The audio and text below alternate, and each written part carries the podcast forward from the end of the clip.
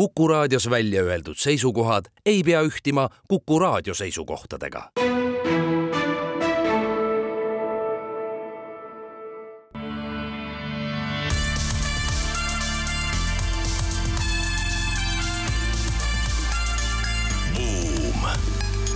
buumile annab hoogu SEB Pank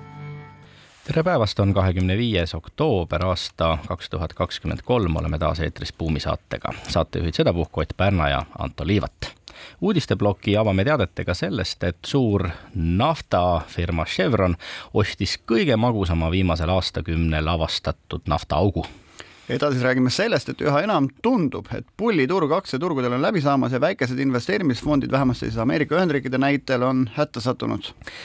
arutleme selle üle, mida peab üks hea finantsjuht oskama teadma ning äh, räägime sellest, et ta peab suutma mängida ühtaegu nii kaitses kui ka rünnakul, kui spordi näite varal olukorda võrrelda ja Economics, Economist on aidanud meil jälle pildi tõsta olulise teema, et kas siis tippjuhid saavad liiga palju palka ja mida arvavad ametiühingud sellest loost?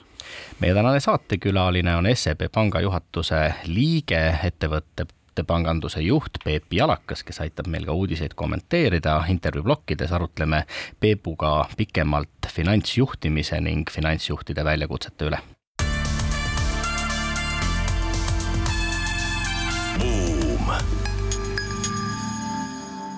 nii nagu lubatud sai, räägime kõigepealt sellest, et naftahiid Chevron ostis magusaima viimasel aastakümnel avastatud naftaaugu Hess Corporationilt Äh, ja see auk asub äh, tegelikult meres Lõuna-Ameerikas ning äh, Briti Guyanas või, või Guyanas ähm, enne, enne, ennekõike peetakse tänapäeval kõige magusamaid naftahauke olevat, see peaks aitama riigi rikkust lisaks siis kullakaevandusele märkimisväärselt kasvatada, aga Chevroni mätta otsast vaadatuna on ju olukord selline, et ega pangad üldiselt Äh, pigem ei taha selliseid äh, vanakooli energiaprojekte, mis seostuvad õli ja, ja, ja gaasiga või, või nafta ja gaasiga väga finantseerida, kui me vaatame üleilmseid investeeringuid äh, nafta ja gaasi tootmisesse, siis võrreldes kahe tuhande neljateistkümnenda aastaga on need kolmekümne viie protsendi võrra vähenenud. Chevroni käik on nüüd selgelt muidugi samm pigem vastupidises suunas no mida nad ise siin artiklis ka ütlevad, et äh, ütleme, äh, naftatoodetele turg on ilmselt pikaajaline ja, ja kui on võimalik soetada suhteliselt odava tootmis äh, ühesõnaga Eh, naftaväljasid, kus on tootmis, tootmine üsna odav, ehk siis see õli või nafta on lihtsasti kättesaadav, siis selliseid maardlaid tasub endale osta. pikas vaates küll nad ära kuluvad, noh, seda me oleme siin saates küll rääkinud, et et nende roheenergeetika investeeringud on esimene aasta vist maailmas ületanud siis nii-öelda selle musta energeetika investeeringuid. aga noh, jätkuvalt investeeritakse mõlemisse, et meil selle, sellesama uudise raames on ka siin teine hiinlaste suur-suur tuulik on ju, mille, mille diameeter on kakssada kuuskümmend Äh, meetrit, millega võid kaheksakümmend tuhat inimest äh, nii-öelda energiat toota kaheksakümnele tuhandele inimesele, ehk siis põhimõtteliselt Tartu linna võid ühe tuulikuga enam-vähem hea tuule korral äh, soojaks või vähemalt lambi, lambi põlema saada, et, et selles mõttes on ilmselt, et kaks trajektoori lähevad, mõlemas investeeritakse ja kumbki ei kuku nulli nagu lähiajal. taustal on see, et nõudlus energia järele maailmas ju pigem kasvab absoluutselt, et, et nõudlus kasvab ja, ja noh, kui me tegelikult vaatame ka siis äh, äh nafta, nafta siis äh, tootmismahte ja, ja tarbimismahte, et ega seal mingit olulist kukkumist toimunud ei, ei ole ja, ja selle Guyana projekti taustal ma vaatasin, et, et mis nende siis tootmispotentsiaal on ja, ja nad ütlesid, et miljon miljon par-, barrelit siis päevas, et, et see on enam-vähem siis üks protsent äh, tänasest äh, maailma, maailma naftatoodangust, et tegelikult täitsa arvestatav, arvestatav kogus. no suur Chevroni konkurent Exxon ostis hiljaaegu kuuekümne miljardi eest endale osaluse Permiani naftaväljal, mis on Ameerika Ühendriikide suurim ja, ja üldiselt püüavad ikkagi vanad hiiud selles äris ennast väga jõuliselt kehtestada, uusi tulijaid nii väga ei, ei ole ja vanad hiiud teevad oma vahenditest neid suuri investeeringuid ja, ja otsivad ikkagi võimalusi osta üksteiselt ja teineteiselt erinevaid maardlaid üles äh,. täpselt nii, et, et kui vaadata ka seda Chevroni tehingut, et siis tegelikult äh, oli seal ju aktsiate vahetus, äh, vahetustehing, et, et pangad äh, sellist äh, projekti täna pigem ei finantseeri, et, et kõigil on, on väga selgelt defineeritud siis jätkusuutlikkuse, jätkusuutlikkuse eesmärgid, et, et aga, aga noh, niikaua kui nõudlus eksisteerib, et, et siis Eh, siis suured, suured naftaettevõtted tegelikult toovad turule ka, ka toodangut ja, ja noh, nende seisukohalt tundub igati, igati loogiline tehing no ma vaatan, mul on ees siin Ameerika Ühendriikide Energia Informatsiooni Ameti koduleht ja, ja kirjutavad siin, et et võrreldes aastaga kaks tuhat kakskümmend kuni kaks tuhat viiskümmend maailma energiatarbimine kahekordistub ja suur osa sellest kasvust tehakse mitte OECD riikides ja, ja veelgi enam mitte OECD Aasias olevate riikide poolt. ehk mm -hmm. siis, et energiatarbimine kahekordistub, on ju siin kolmekümne aastaga ja suur osa kasvu tuleb Aasiast et, et noh, seda silmas pidades peab vaatama neid investeeringuid ükskõik kus maailma otsas nad on. taustal on muidugi huvitav eh, mõelda ka selle peale, et eh, geopoliitilised arengud, rohepööre ja, ja kliimamuutused, aga ka uued väärtuslikud Äh, ressursid nagu, nagu liitium või, või äh, äh, vesinik avavad tegelikult just kauplejatele, nafta ja, ja üldse toormega kauplejatele uusi võimalusi, suurenenud on nafta hinna volatiilsus kõigi nende arengute juures ja, ja kui vaadata toormega kauplejate kasumeid, siis need täna indikeerivad üsna rõõmustavaid numbreid ja seetõttu on suured naftatootjad, traditsioonilised tootjad hakanud järjest rohkem ise hoopistükkis äh, kauplema ja, ja, ja siin sadu ning mõned isegi tuhandeid kauplejaid endale tööle võtnud äh,. täpselt nii ja, ja tegelikult äh, Euroopa siis äh, naftatootjad paistavad seal, seal eriti välja, et, et British Petroleum, Shell, et Total et, et see, see on läbi käinud, et, et nende, nende kauplemistiimid on, on oluliselt äh, kasvanud ja, ja noh, mis selle, mis selle üks, üks põhjus on, on tegelikult see, et, et turul on äh, volatiilsust rohkem, et, et see annab kauplejatele siis suuremaid võimalusi ja, ja, ja noh, kui me vaatame seda geopoliitikat ja, ja sõda Ukrainas, pinget või sõda siis ka, ka Gaza sektoris, et, et see kõik on tegelikult volatiilsust tõstev ja, ja tekitab võimalusi nafta, naftakauplejatele. ma vaatan siin veel neid põnevaid numbreid, et see projektsioon kaks tuhat viiskümmend energiatarbimine maailmas Ehm, tõusevad nii liquid fuels ehk siis kõikvõimalikud vedelkütused, samamoodi natura-, naturaalne gaas ehk vedelkütused isegi rohkem ja, ja kiiremini kui renewable ehk siis taastuv. ja, ja kui me rääkisime siin Aasias kasvust, et Aasia kasvu veab tegelikult paljuski äh, residential electricity ehk siis, et äh, neid maalt linna kolivaid hiinlasi mm., nende maju täpsemalt siis köetakse elektriga või jahutatakse vastavalt vajadusele. ehk siis, et elektri ja sellega seotud tarb-, tootmise võimsuste küsimus on see, mille üle noh, ilmselt suur mäng käib Hiina pool. Absoluutselt ja tegelikult üks trend on ju ka tööstuste elektrifitseerimine, et, et kui sa räägid üldisest äh, nagu energiatarbimisest, aga elektrienergia tarbimine suureneb äh,, suureneb äh, veel rohkem, et, et ja jah, et siis lõpuks on küsimus, et, et, et mis on siis see jaotus äh, taastuvenergia ja siis äh, fossiilsetest äh, allikatest energia tootmise vahel. siinsamal joonistel on näha ka, et tegelikult kui me vaatame siis nende mitte OECD riikide tööstuste energiatarbimist, siis jällegi vedelkütused kasvavad kiiremini kui elekter ja gaas kui me nüüd kauplemisest juba hakkasime rääkima, siis sealt on hea liikuda investeerimise temaatika juurde. pulliturg paistab olevat läbi saanud ja investeeringute väärtus enam nagu pärmi peal ei kasva. ja see on nüüd ennekõike löögi alla seadnud sellised keskmise suurusega investeerimismajad hiigelsuurtel või, või hiigelsuurel BlackRockil läheb tegelikult väga hästi, ennekõike siis indeksfondidel ja indeksfondidel üldse läheb hästi. aga järjest rohkem paistavad omadega olevat jännis need investeerimismajad, kes on, on keskmise suurusega ja nad vaatavad hoopistükkis järjest rohkem laenutoodete poole, võib-olla hakkavad pankadele saba peale astuma ja no ke keeruline öelda, et, et aga, aga tõesti, et, et see juba, juba aastaid on olnud ju, ju see trend, et, et raha liigub äh, siis aktiivselt juhitud fondidest äh, passiivsetesse fondidesse, kus, kus siis äh, erinevad tasud on kordades ja kordades soodsamad. Ja, ja kui vaadata siis statistikat, et, et et pikal perioodil kumma, kummad fondid on siis suuremat äh, tootlust äh, teinud, et, et siis neid aktiivseid fonde, kes äh, pikaajaliselt on on siis edestanud passiivseid fonde, et neid on tegelikult ikkagi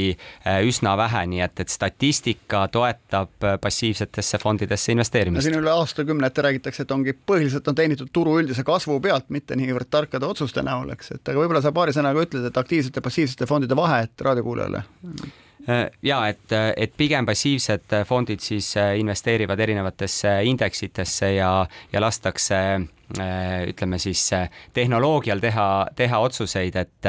et aktiivsete fondide puhul on, toimub siis igapäevaselt fondijuhtide poolt siis äh, otsustamine, et, et kuhu, millisesse aktsiasse võlakirja investeerida, et, et see on see peamine, peamine erinevus ja kui sa vaatad korporatiivpanganduse mätta otsast, kuhu Eesti ettevõtted ja kuidas oma vaba raha paigutavad? Ja et, et noh, ütleme ettevõtete, ettevõtete raha paigutamine, ma ütleksin täna kus intressikeskkond on üldiselt siis äh, tõusnud ja, ja rahale on uuesti tekkinud hind, et, et kuna ettevõte enamasti selliseid pikaajalisi investeeringuid oma vaba rahaga ei tee ja, ja noh, ongi, ettevõtte eesmärk on oma põhitegevusse investeerida, et, et siis need äh, lühiajalised rahapaigutused äh, on pigem nagu liht-, lihtsat laadi, et äh, et noh, ma ütleksin, et täna lühiajaline tähtajaline hoius tootlusega kolm pool, neli protsenti aastas on, on täiesti konkurentsivõimeline äh, investeering. Ja noh, tuua paralleel, et, et vahepeal oli, oli päris, päris aktiivne investeerimine ka, ka siis äh, elamuaseme või korterite siis rendiärisse, et et äh, tänaste rendihindadega on see tootlus sellest ärist umbes äh, samas suurusjärgus, nii et, äh, et siis on küsimus, et, et, et kust on lihtsam, kust on lihtsam raha teenida, et, et kas, kas pangast hoiuselt või, või omades siis korterit. kuulame nüüd ära kaubanduslikud teadaanded ning seejärel jätkame finantsjuhtimise teemadele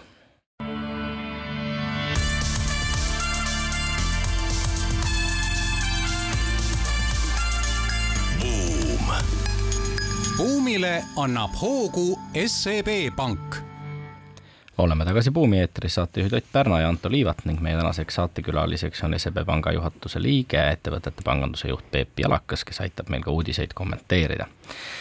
McKinsey on äh, avaldanud äh, nii nagu ta ikka iga kahe aasta tagant äh, teeb, oma mahuka finantsjuhtide uuringu ja selle uuringu peamine tõdemus on, et hea finantsjuht peab tänapäeval oskama mängida ühtaegu nii kaitses kui ka rünnakul. mida see finantsjuhtimise puhul tähendada võiks? kaitses mängimine ennekõike riskidega tegelemist, riskide maandamist, riskide hindamist, kapitalistruktuuris muudatuste tegemist, Äh, mingisugustest äridest väljumise või äh, nendes osalemise vähendamist. nüüd äh, rünnakul mängimine seevastu on ennekõike seotud siis äriarendusega, on seotud ühisettevõtete loomise,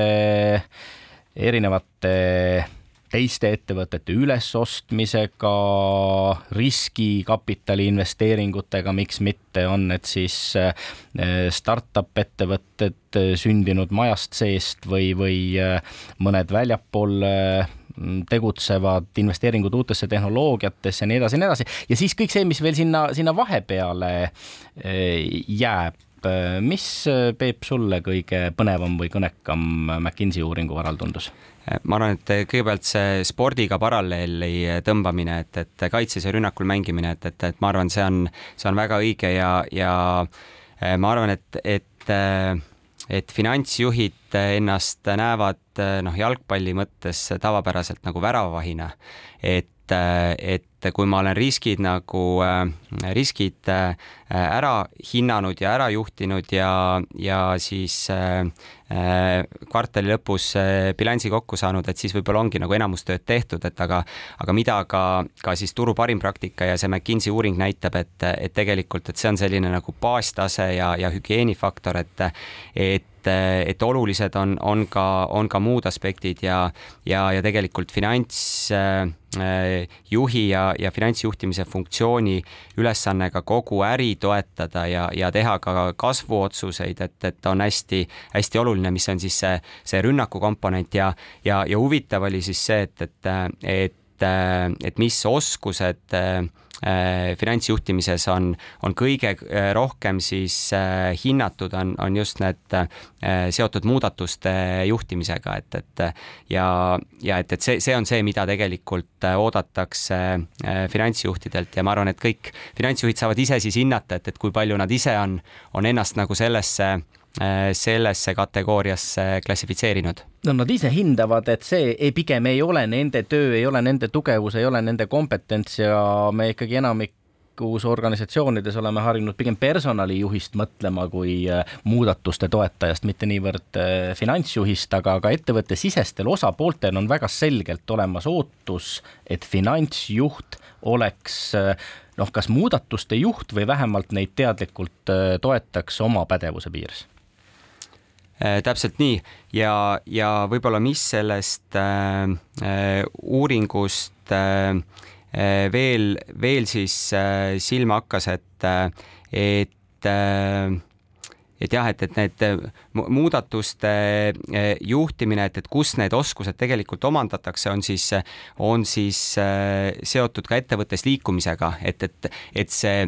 et edukate ettevõtete finantsjuhtimise tiimid olid need, kus, kus tegelikult oli liigutud ka ettevõtte erinevates üksustes, käidud Äh, äriüksuses ja siis tuldud tagasi finantsjuhtimisse, et selline funktsioonide vaheline liikumine on, on midagi, mis, mis tegelikult väärtust loob ja me oleme siin saates kõik spordimehed, jätkame siis spordiga, et, et mulle tundub, et, et see finantsjuht tänapäeva maailmas, kus sul on kõrged intressid ja samal ajal noh, majandus tundub, et tõmbab tagasi, eks, et turul on võimalusi ja ohte, on ju, et, et see pigem sarnaneb sellise libero rolliga võrkpallis et kui libero definitsiooni lugeda, siis tema tunnused on kiire reageerimisvõime ja liikuvus, samuti olulised oskused palli käsitlusel, samuti väljaku nägemis ja üldine mängu tunnetuse ja lugemise oskus kas pole mitte finantsjuht mm,? absoluutselt, et ja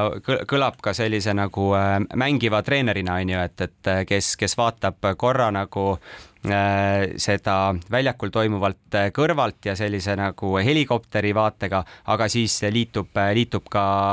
mängu ja on valmis seal erinevaid rolle siis aga võtma. kui me nüüd päriselu võtame, et finantsjuht pigem on introvert, spetsialist on ju, numbreid oskab lugeda, et kui palju selliseid nagu mängivaid treenereid sa ise oled näinud siin, nähes Eesti erinevaid ettevõtteid, kes kasvõi laenu tulevad küsima? ma ütleks, et tegelikult päris palju, et et ja võib-olla eh, see, keda, keda sina kirjeldasid, on, ma ütleks, et on võib-olla selline nagu pigem eh, pearaamatu tüüpi siis persoon, et aga, aga suurettevõtete finantsjuhid on, on, mina ikkagi ütleksin, et,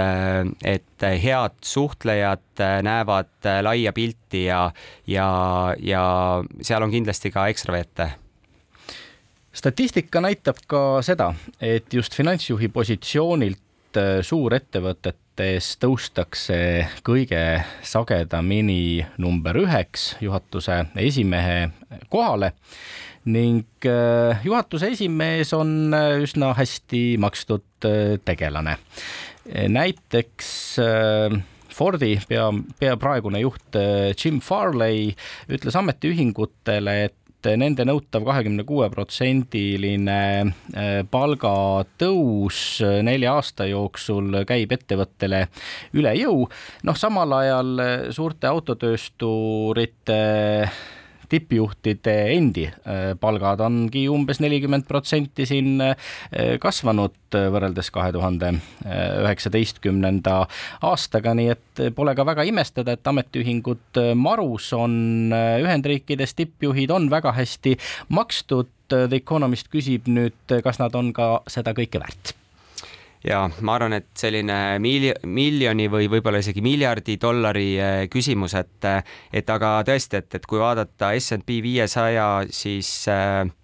Ameerika ettevõtete CEO-de keskmist palka, et siis see on neliteist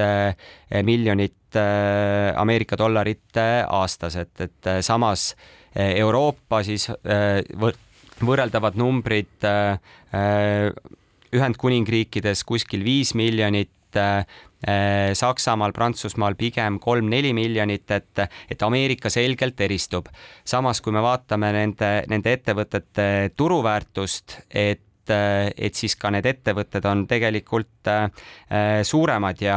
ja noh, me teame ka olukordi, kus äh, mõne finants või mõne CEO liitumisega näiteks ettevõtte aktsiahind tõuseb viis või kümme protsenti ja, ja see viis või kümme protsenti võib tegelikult tähendada sadu miljoneid eh, eurosid, et, et noh, siis ongi küsimus, et, et aga mis, mis selle siis CEO eh, väärtus on, et, et aga võib-olla veel üks, üks paralleel, et, et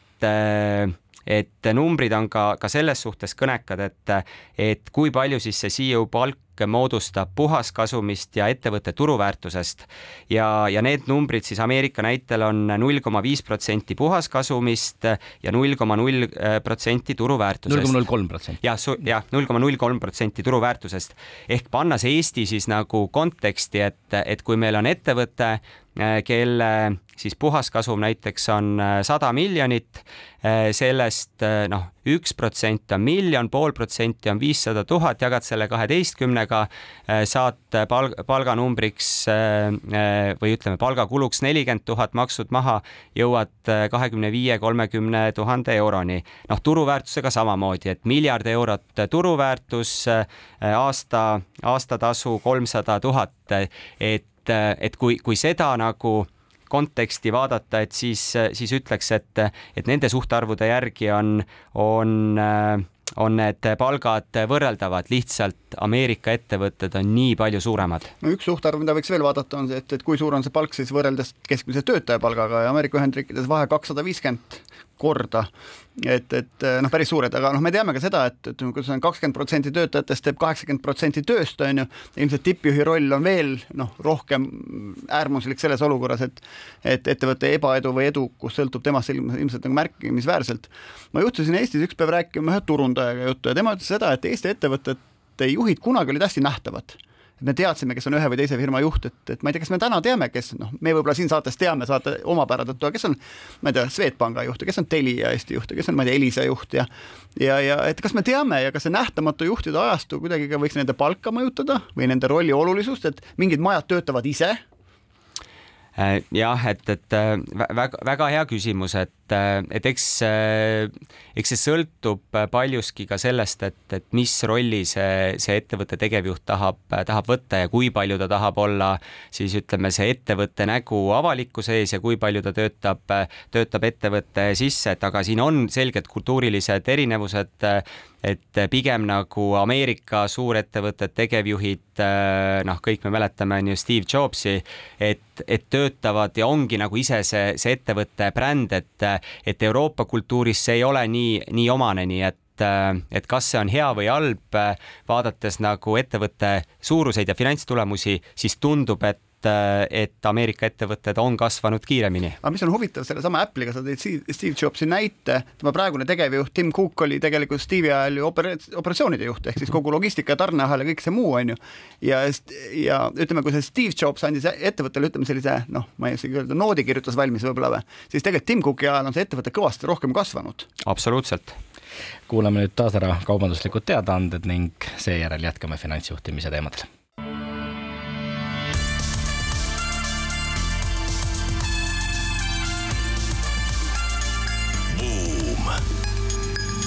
buumile annab hoogu SEB Pank. oleme tagasi Buumi eetris, saatejuhid Ott Pärna ja Anton Liivat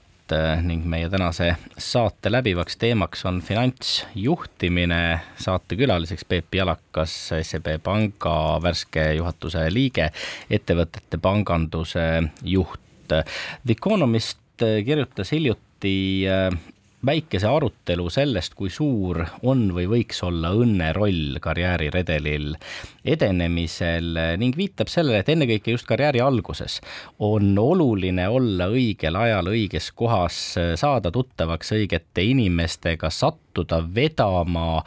õigeid projekte, mis viivad heade tulemusteni ning annavad karjäärile hea hoo sisse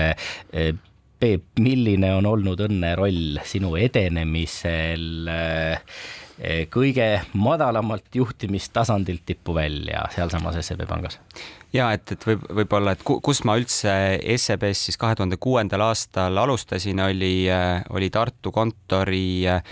telleri positsioon äh, osalise tööajaga, sest siis ma veel õppisin, õppisin ülikoolis ja, ja siis äh, seitseteist aastat hiljem olen olnud kaheksas erinevas rollis ja, ja nüüd siis viimased kuu aega juhatuse liikme, liikme vastutusega, et, et kui nüüd mõelda, et, et kui palju siis on õnne olnud ja kui palju on mu enda tööd olnud, et, et et ise tahaks kindlasti öelda, et äh, ja, puhas töövõit. puhas töövõit muidugi, et, et aga, aga ma pigem võib-olla selle õnne defineeriks enda jaoks äh, juhuseks, et, et kui palju neid, neid juhuseid on elus olnud ja, ja ma arvan, et seal on meil ikkagi küll äh, Äh, noh, endal päris palju teha, et, et olla pildil ja kui sa oled pildil, et, et noh, siis see nagu äh, õnn, õnn võib sind äh, tabada ka, et, et noh, nat-, natuke seesama paralleel, et, et kui sa lotot ei mängi, sa kindlasti ei võida, on ju, et, et, et noh, et, et kui, kui sul neid nagu pileteid on elus tuhand, tuhat ostetud, siis võib-olla mõni on ka, mõni on ka võidupilet, et, et aga võib-olla veel näide siis, et, et kuidas ma üldse SEB-sse sattusin, et täiesti juhuslikult, võib-olla siis läbi õnne, aga et, et keskkooliaeglane, keskkooliaegne klassiõde ütles, et et otsitakse SEB-sse tellereid ja just Tartusse, sa õpid Tartus, kas sa ei tahaks kandideerida. Ja mõtlesin korra Äh, kandideerisin ja, ja noh, täna olen siin, kus ma siis olen. meie keskustelu peamine fookus äh, ei ole siiski täna sinu isik, vaid äh, värske uuring, mille te läbi viisite finantsjuhtide hulgas Balti riikides ning selle võib-olla kõige kõnekam, võib-olla kõige hirmutavam või kurvastavam järeldus on eh, see, et Leedust on saanud eh, Balti riikide majandusliider, eh, Läti sörgib Leedu sabas ja, ja Eesti pigem kukub pronksisele kohale, me oleme ennast Balti naabritest harjunud väga palju aastaid pidama väga palju paremaks, kuidas siis ühtäkki niimoodi? no seda, seda selle aasta uuring, uuring näitab, et, et tegelikult Äh, Eesti siis finantsjuhid näevad seda, seda tulevikku äh, äh, ja järgmist kahtteist kuud oli siis see periood, mida, mida me, mida me küsisime, et, et näevad kõige, kõige negatiivsemana, et, et noh, põhjuseid on siin, on siin erinevaid, et, et peamise argumendina tuuakse välja siis üldist majanduse väljavaadet ja nõrka nõudluse poolt, et, et kui aasta tagasi oli oli see peamine mure, et, et, et noh, mis toimub nagu ettevõtte siis kulubaasiga, et tarneahelad ei toiminud, tooraine hinnad läksid üles, tööjõu äh, kulu kasvas, kättesaadavus oli nõrk, et, äh, et see on tegelikult asendunud siis, äh, siis pigem just selle müügipoole nõrkusega ja et, et nõudlus nõrk, surve hindadele, äh, kasumi äh, marginaalile ja, ja mis on läbiv teema endiselt, on ikkagi see üldine nagu geopoliitiline keskkond. kas see geopoliitiline keskkond ikka tõepoolest nii palju mõjutab või, või missugusel kujul ta finantsjuhtide hinnangul ennekõike mõju avaldab, puudutab see välisinvesteeringuid, puudutab see juba Balti riikides toimetavate välisettevõtete valmidust teha siia täiendavaid investeeringuid, on need ikkagi toormehinnad, sisendhinnad, mis, mis on mõjutatud, midagi veel? ma arvan, et see ongi kombinatsioon, et, et ütleme siis Eesti ettevõtete kaubanduspartnerina Venemaa osatähtsus siin, siin juba enne sõda siis oluliselt vähenes, et aga, aga sellest hoolimata, et teatud sektorites tarneahelad olid seotud Venemaaga ja, ja tegelikult ka, ka osa müüki läks, läks ju Venemaale, et, et kõik see tuleb nagu ümber suunata Äh, ja, ja noh, kindlasti äh, välisinvestoritele Eesti atraktiivsus on täna mõnevõrra väiksem, et ja mida kaugemalt sa, sa siis äh, siia Baltikumi peale vaatad, et seda, seda murelikum sa oled, et, et Eestil on siis agressorriigiga ühine, ühine riigipiir no sa rääkisid sellest, et Balti ettevõtetest või ettevõtlusmaastikust edeneb kõige paremini Leedu, aga mul on tun-, tunne, et kas nad mitte ei liigu üles-alla nagu ka suurema amplituudiga kui meie, et ma siin täpselt viimane lõik sellest samast teie sellisest uuringu kokkuvõttest räägib, et kõrgete intresside tõttu kärvib investeerimisplaani kakskümmend seitse protsenti Eesti ja Läti ettevõtetest ja kolmkümmend viis protsenti Leedu ettevõtetest ehk siis on küll läinud nagu rohkem üles, aga tulevad ka kiiremini alla. seda on väga põnev vaadata just ka selles valguses, et kui Eestis peab kakskümmend viis protsenti finantsjuhtidest ähm, ettevõtluskeskkonda väga soodsaks või soodsaks, siis Leedu finantsjuhtidest ütleb viiskümmend üks protsenti, et äh, keskkond on soodne või väga äh, soodne. võib-olla me oleme lihtsalt konservatiivsed, pessimistlikud. jah, et me tegime seda, seda uuringut üheksandat, üheksandat aastat järjest ja, ja pigem on ikkagi olnud see, et, et Äh, Eesti, Läti, Leedu finantsjuhid on seda keskkonda näinud nagu varasemalt suhteliselt äh, sarnasena. ehk seda kultuurilist äh, erinevust, et, et eestlane ongi alati poole nagu konservatiivsem kui, kui, kui leedukas ja, ja grammi võrra konservatiivsem kui lätlane, et, et ma pigem seda, seda välja ei tooks, et, et aga no mis, mis on ikkagi iseloomulik, on see, et et Eesti ettevõtted on rohkem Skandinaavia turuga seotud ja meie eksport on paljuski ka Skandinaavia kinnisvara ja ehitussektoriga seotud ja, ja täna on, on need sektorid ikkagi eh, rohkem surve all kui, kui näiteks muu Lääne-Euroopa, et, et Leedu kaubanduspartnerite ring on natukene laiem ja see eh, sõltuvus Skandinaaviast ei ole nii, nii ühene kui Eestis. no just, sa võtsid sõnad suust, et, et ma tahtsin selle laeva, laevaindeksi sisse tuua, et kui me vaatame, palju läheb nagu neid ro-ro laevu Eesti ja, ja Rootsi-Soome vahet või ka Läti ja nende riikide vahet versus siis leedukate puhul siis nagu ei ole küsimustki, et ilmselgelt oleme me tükk maad rohkem integreeritud selle Skandinaavia tänase trendiga, mis seal toimumas on, eks, ja võib-olla leedukad rohkem Poolaga näiteks seal kõrval, on ju. täpselt nii, et aga noh, et, et see asi liiga nagu negatiivne ei tunduks, et et mida see uuring ka näitas, et sõltumata sellest, et, et väljavaade on äh, ebakindel, siis samal ajal ettevõtete enda finantsolukord on, äh, on üsna tugev et, et kuuskümmend protsenti Eesti ettevõtetest tegelikult hindas oma finantsolukorda Äh, heaks või, või väga heaks. Ja seda me näeme ka panga statistikast, et, et ettevõtete äh, siis üldine likviidsus, raha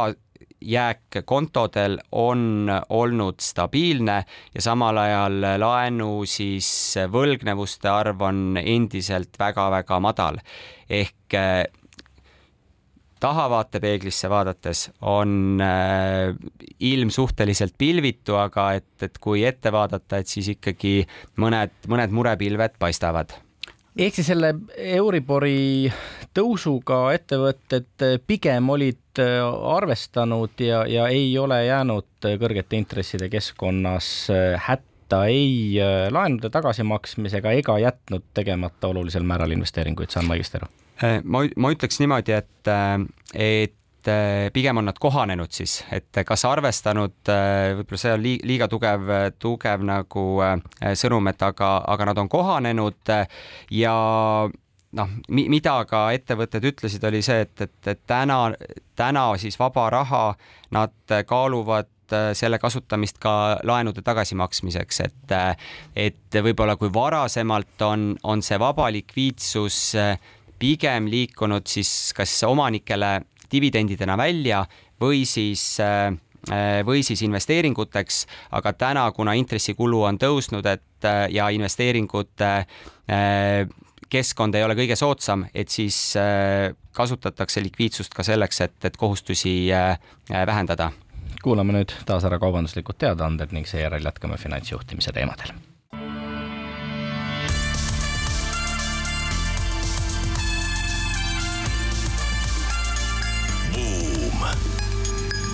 buumile annab hoogu SEB Pank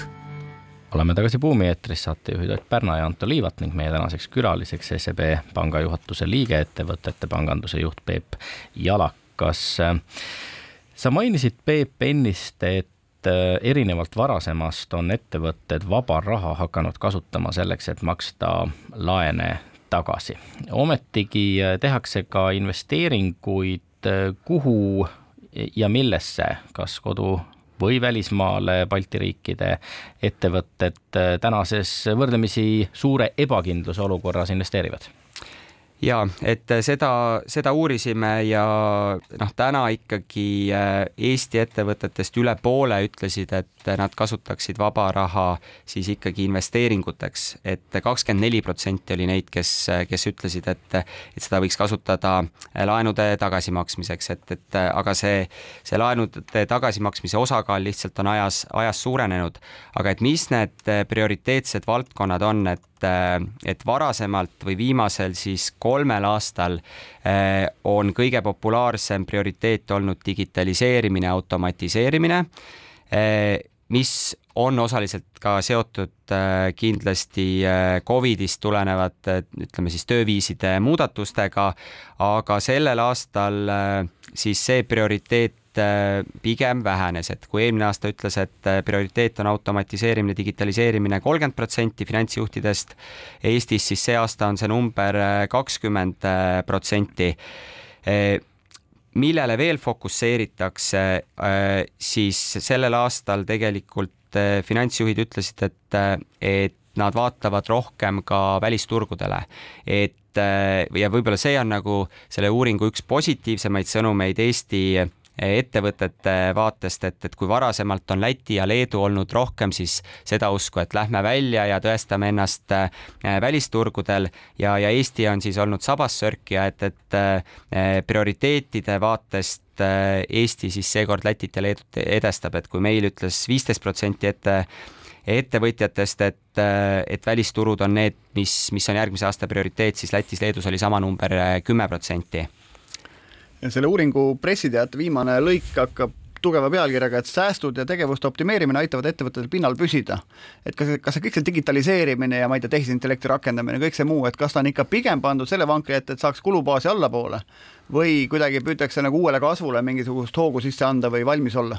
ma arvan, see sõltub palju ettevõttest, aga eks ta on ikkagi lõppkokkuvõttes kombinatsioon, et ma arvan, et see stardipunkt on see, et, et saaks kulud kontrolli alla, aga kui, kui tekib nagu äh, äh siis selle tehnoloogia kasutamise kogemus, siis selle käigus peaksid tegelikult esile kerkima ka need äh, ärivõimalused, et, et ja, ja selle aasta uuringus äh, me, me esimest korda puudutasime ka siis selle tehisaru äh, teemat ja, ja, ja kui palju siis ettevõtted oma tänases äritegevuses juba tehisaru kasutavad. siin Eesti ettevõtted ütlesid, et, et või viiendik Eesti ettevõtetest ütlesid, et nemad on siis mingil kujul äh, äh, tehisaru kasutamas ja kõige, selgelt kõige populaarsem siis valdkond oli, oli müügi ja klienditeenindusega seonduv, et, et noh, ja ilmselt sinna valdkonda lähevad siis erinevad chatbot'id ja, ja muud, muud lahendused ma tegin täna hommikul intervjuud Jaan Tallinaga, kes on Eesti üks suuremaid ilmselt üldse ai või tehisaru, aru eksperte ja kes äh, mure, muretseb selle üle, et, et maailm selle tehisaru abil hukka ei saaks ja siin ohud on, et võib paari aastaga hukka saada. et tegelikult ohud on väga-väga suured õhus, aga mida Jaan ka ütles, et, et seda muret ei ole, et mõne mehe tööd tehisaru ära ei võtaks et ta võtab enamuse äh, tegelaste töö ära. ehk siis, et, et see, kus me täna ilmselt ka need Eesti ettevõtted, Eesti, Läti, Leedu ettevõtted seda püüavad kasutada, on tegelikult ikka pinnapealne osa. ilmselt ta võtab ära tükk maad suurema osa äritegevusest enda kanda ja, ja kes võidu võtab ja kes seda rohkem oma äris suudab ära kasutada, ilmselt on, on võidumees ka pikas vaates. Äh, absoluutselt, et ma arvan, et me alles nagu äh, kuidas see on, see kraabime siis seda pinda ja et, et mis seal tegelikult mis võimalused ja ka ohud kõik seal, seal tehisintellekti kasutamise äh, taga veel on, et, et see, selle me selgitame välja siin äh, lähiaastatel. ma kasutan võimalust ja küsin, et, et kuidas te selle tehisaruga SEB pangas toime tulete või, või teda rakendada plaanite? on teil mingi strateegia, mingi tiim, kes sellega tegeleb? Äh, on, et, et meil tegelikult äh, grupi tasandil on, on eraldi, äh, eraldi meeskond selleks loodud ja, ja ega me vaatamegi neid erinevaid võimalusi siis nii nagu uue äri tegemise vaatest kui ka kulude optimeerimise vaatest. Ja, ja noh, üks, üks võimalik või mida me testime, on täna siis see, et, et et, et kuidas tehisaru kasutada selleks, et, et e mailbox'ist paremini aru saada ja et, et, et seal sellist korda luua ja, ja erinevaid valdkondi äh, süstematiseerida, et, et noh, üks, üks võimalik näide, mida oleks väga lihtne tegelikult rakendada ka, ka laiemalt, mitte ainult panganduses. minu jaoks oli finantsjuhtide uuringu tulemuste hulgas tähelepanuväärselt kurvastav see, et et ainult seitsme protsendi Eesti finantsjuhtide jaoks on prioriteediks uued tooted või teenused. samal ajal äh, Läti finantsjuhtide hulgas kakskümmend kolm protsenti, Leedu siis seal vahepeal kuueteist protsendiga, ehk see Eesti finantsjuht ikkagi mängib äh, kaitses või vähemalt oma mõtetes on ta täna kaitsepositsioonis äh, jah, et kui, kui tuua siis paralleel selle McKinsey, McKinsey uuringuga, et siis äh,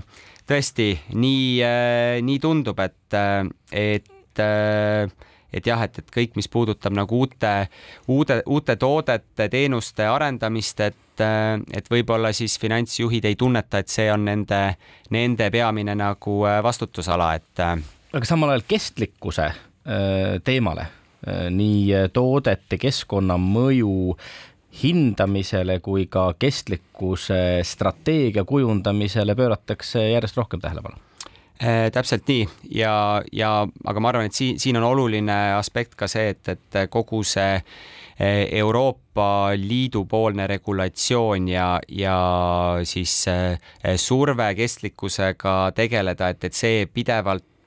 pidevalt siis kasvab, aga tõesti, et, et uuringus kuuskümmend protsenti Eesti ettevõtteid ütlesid, et, et nad mõõdavad oma toodete ja teenuste eh, keskkonna jalajälge. Ja, ja kui küsida, et, et mis on järgmise kaheteist kuu prioriteedid, et, et siis, siis mainitigi, et, et veel laiendada ja tugevdada kestlikkuse strateegiat ja, ja ikkagi keskenduda CO2 jalajälje mõõtmisele, sellepärast et see võib olla üks tulevasi konkurentsieeliseid eeliseid, et, et kui sa äh, suudad mõõta ja, ja näidata oma klientidele, et, et sinu toode on, on keskkonnasõbralikum, et, et see võib, äh, võib tegelikult anda võimaluse küsida kõrgemat hinda ja, ja seeläbi, äh, seeläbi olla paremas konkurentsis. Me siin saate esimeses pooles McKenzie uuringu najal rääkisime sellest, et finantsjuhid töötavad nii kaitses kui rünnakul hästi. Et kui avangardistlikud on SEB Panga finantsjuhid täna, vaadates uusi ärivõimalusi ja näiteks kui me räägime pank või noh, ettevõtetest, keda te teenindate, kas te ka startup'e jutule võtate, kas te investeerite mõndadesse neist, et kas te vaatate ka nagu selliseid teisi varaklasse, mille abil kasvada või, või teenindate ikka sellist traditsioonilist toot-, tootvat või, või ehitavat ettevõtet.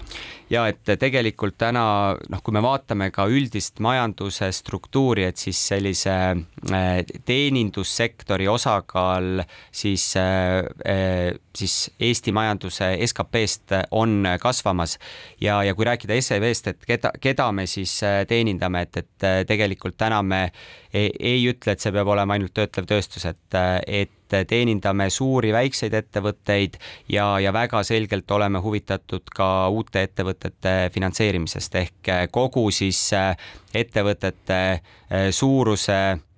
ja, ja ka siis äh, kogu siis elutsükkel, et, et nii alustavad ettevõtted kui ka, kui ka kolmekümne aastast juubelit tähistavad aga ettevõtted. kui sellel alustaval startup'il rahavoogu pole, mille vastu laenu anda ja pole ka vara, mida panti panna, et kas siis ikkagi ettevõtja peab oma enda maja või korteri panti tooma või, või vaatate mingeid muid tooteid neile? Äh, ja et, et ma arvan, et siin üks, üks nagu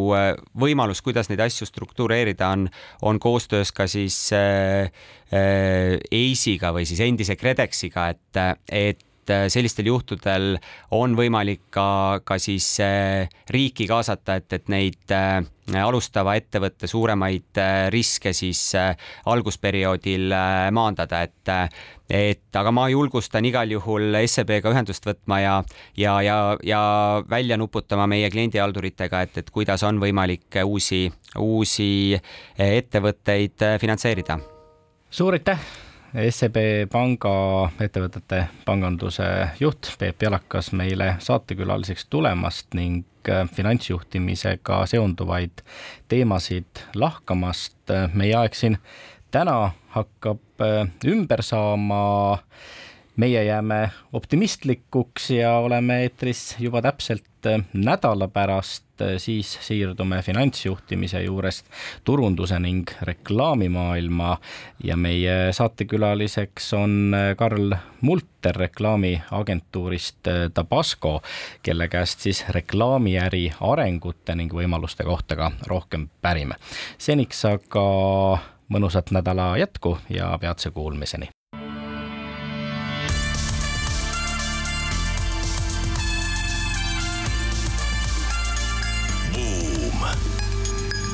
Buumile annab hoogu SEB Pank